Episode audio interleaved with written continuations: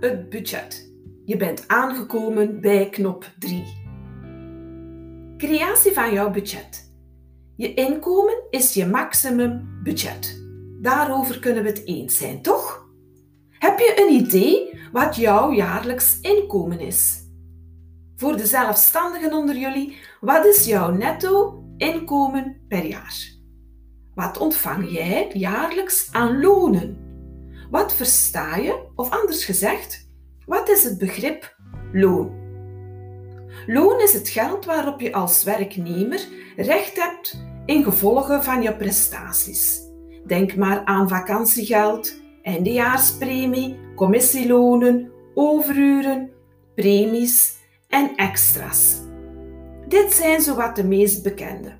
Ik ben zeker dat jij de lijst nog kan aanvullen. Over het totaal aan inkomen hebben we nu een beeld. Maar om de creatie compleet te maken, hebben we de uitgaven nodig. Dit is het cruciale aspect van jouw budgettering. Met dit inzicht krijg je een idee hoeveel je kan sparen. Ik opteer ook om jouw uitgaven op jaarbasis te berekenen, zodat je een duidelijk maandoverzicht kan bekomen.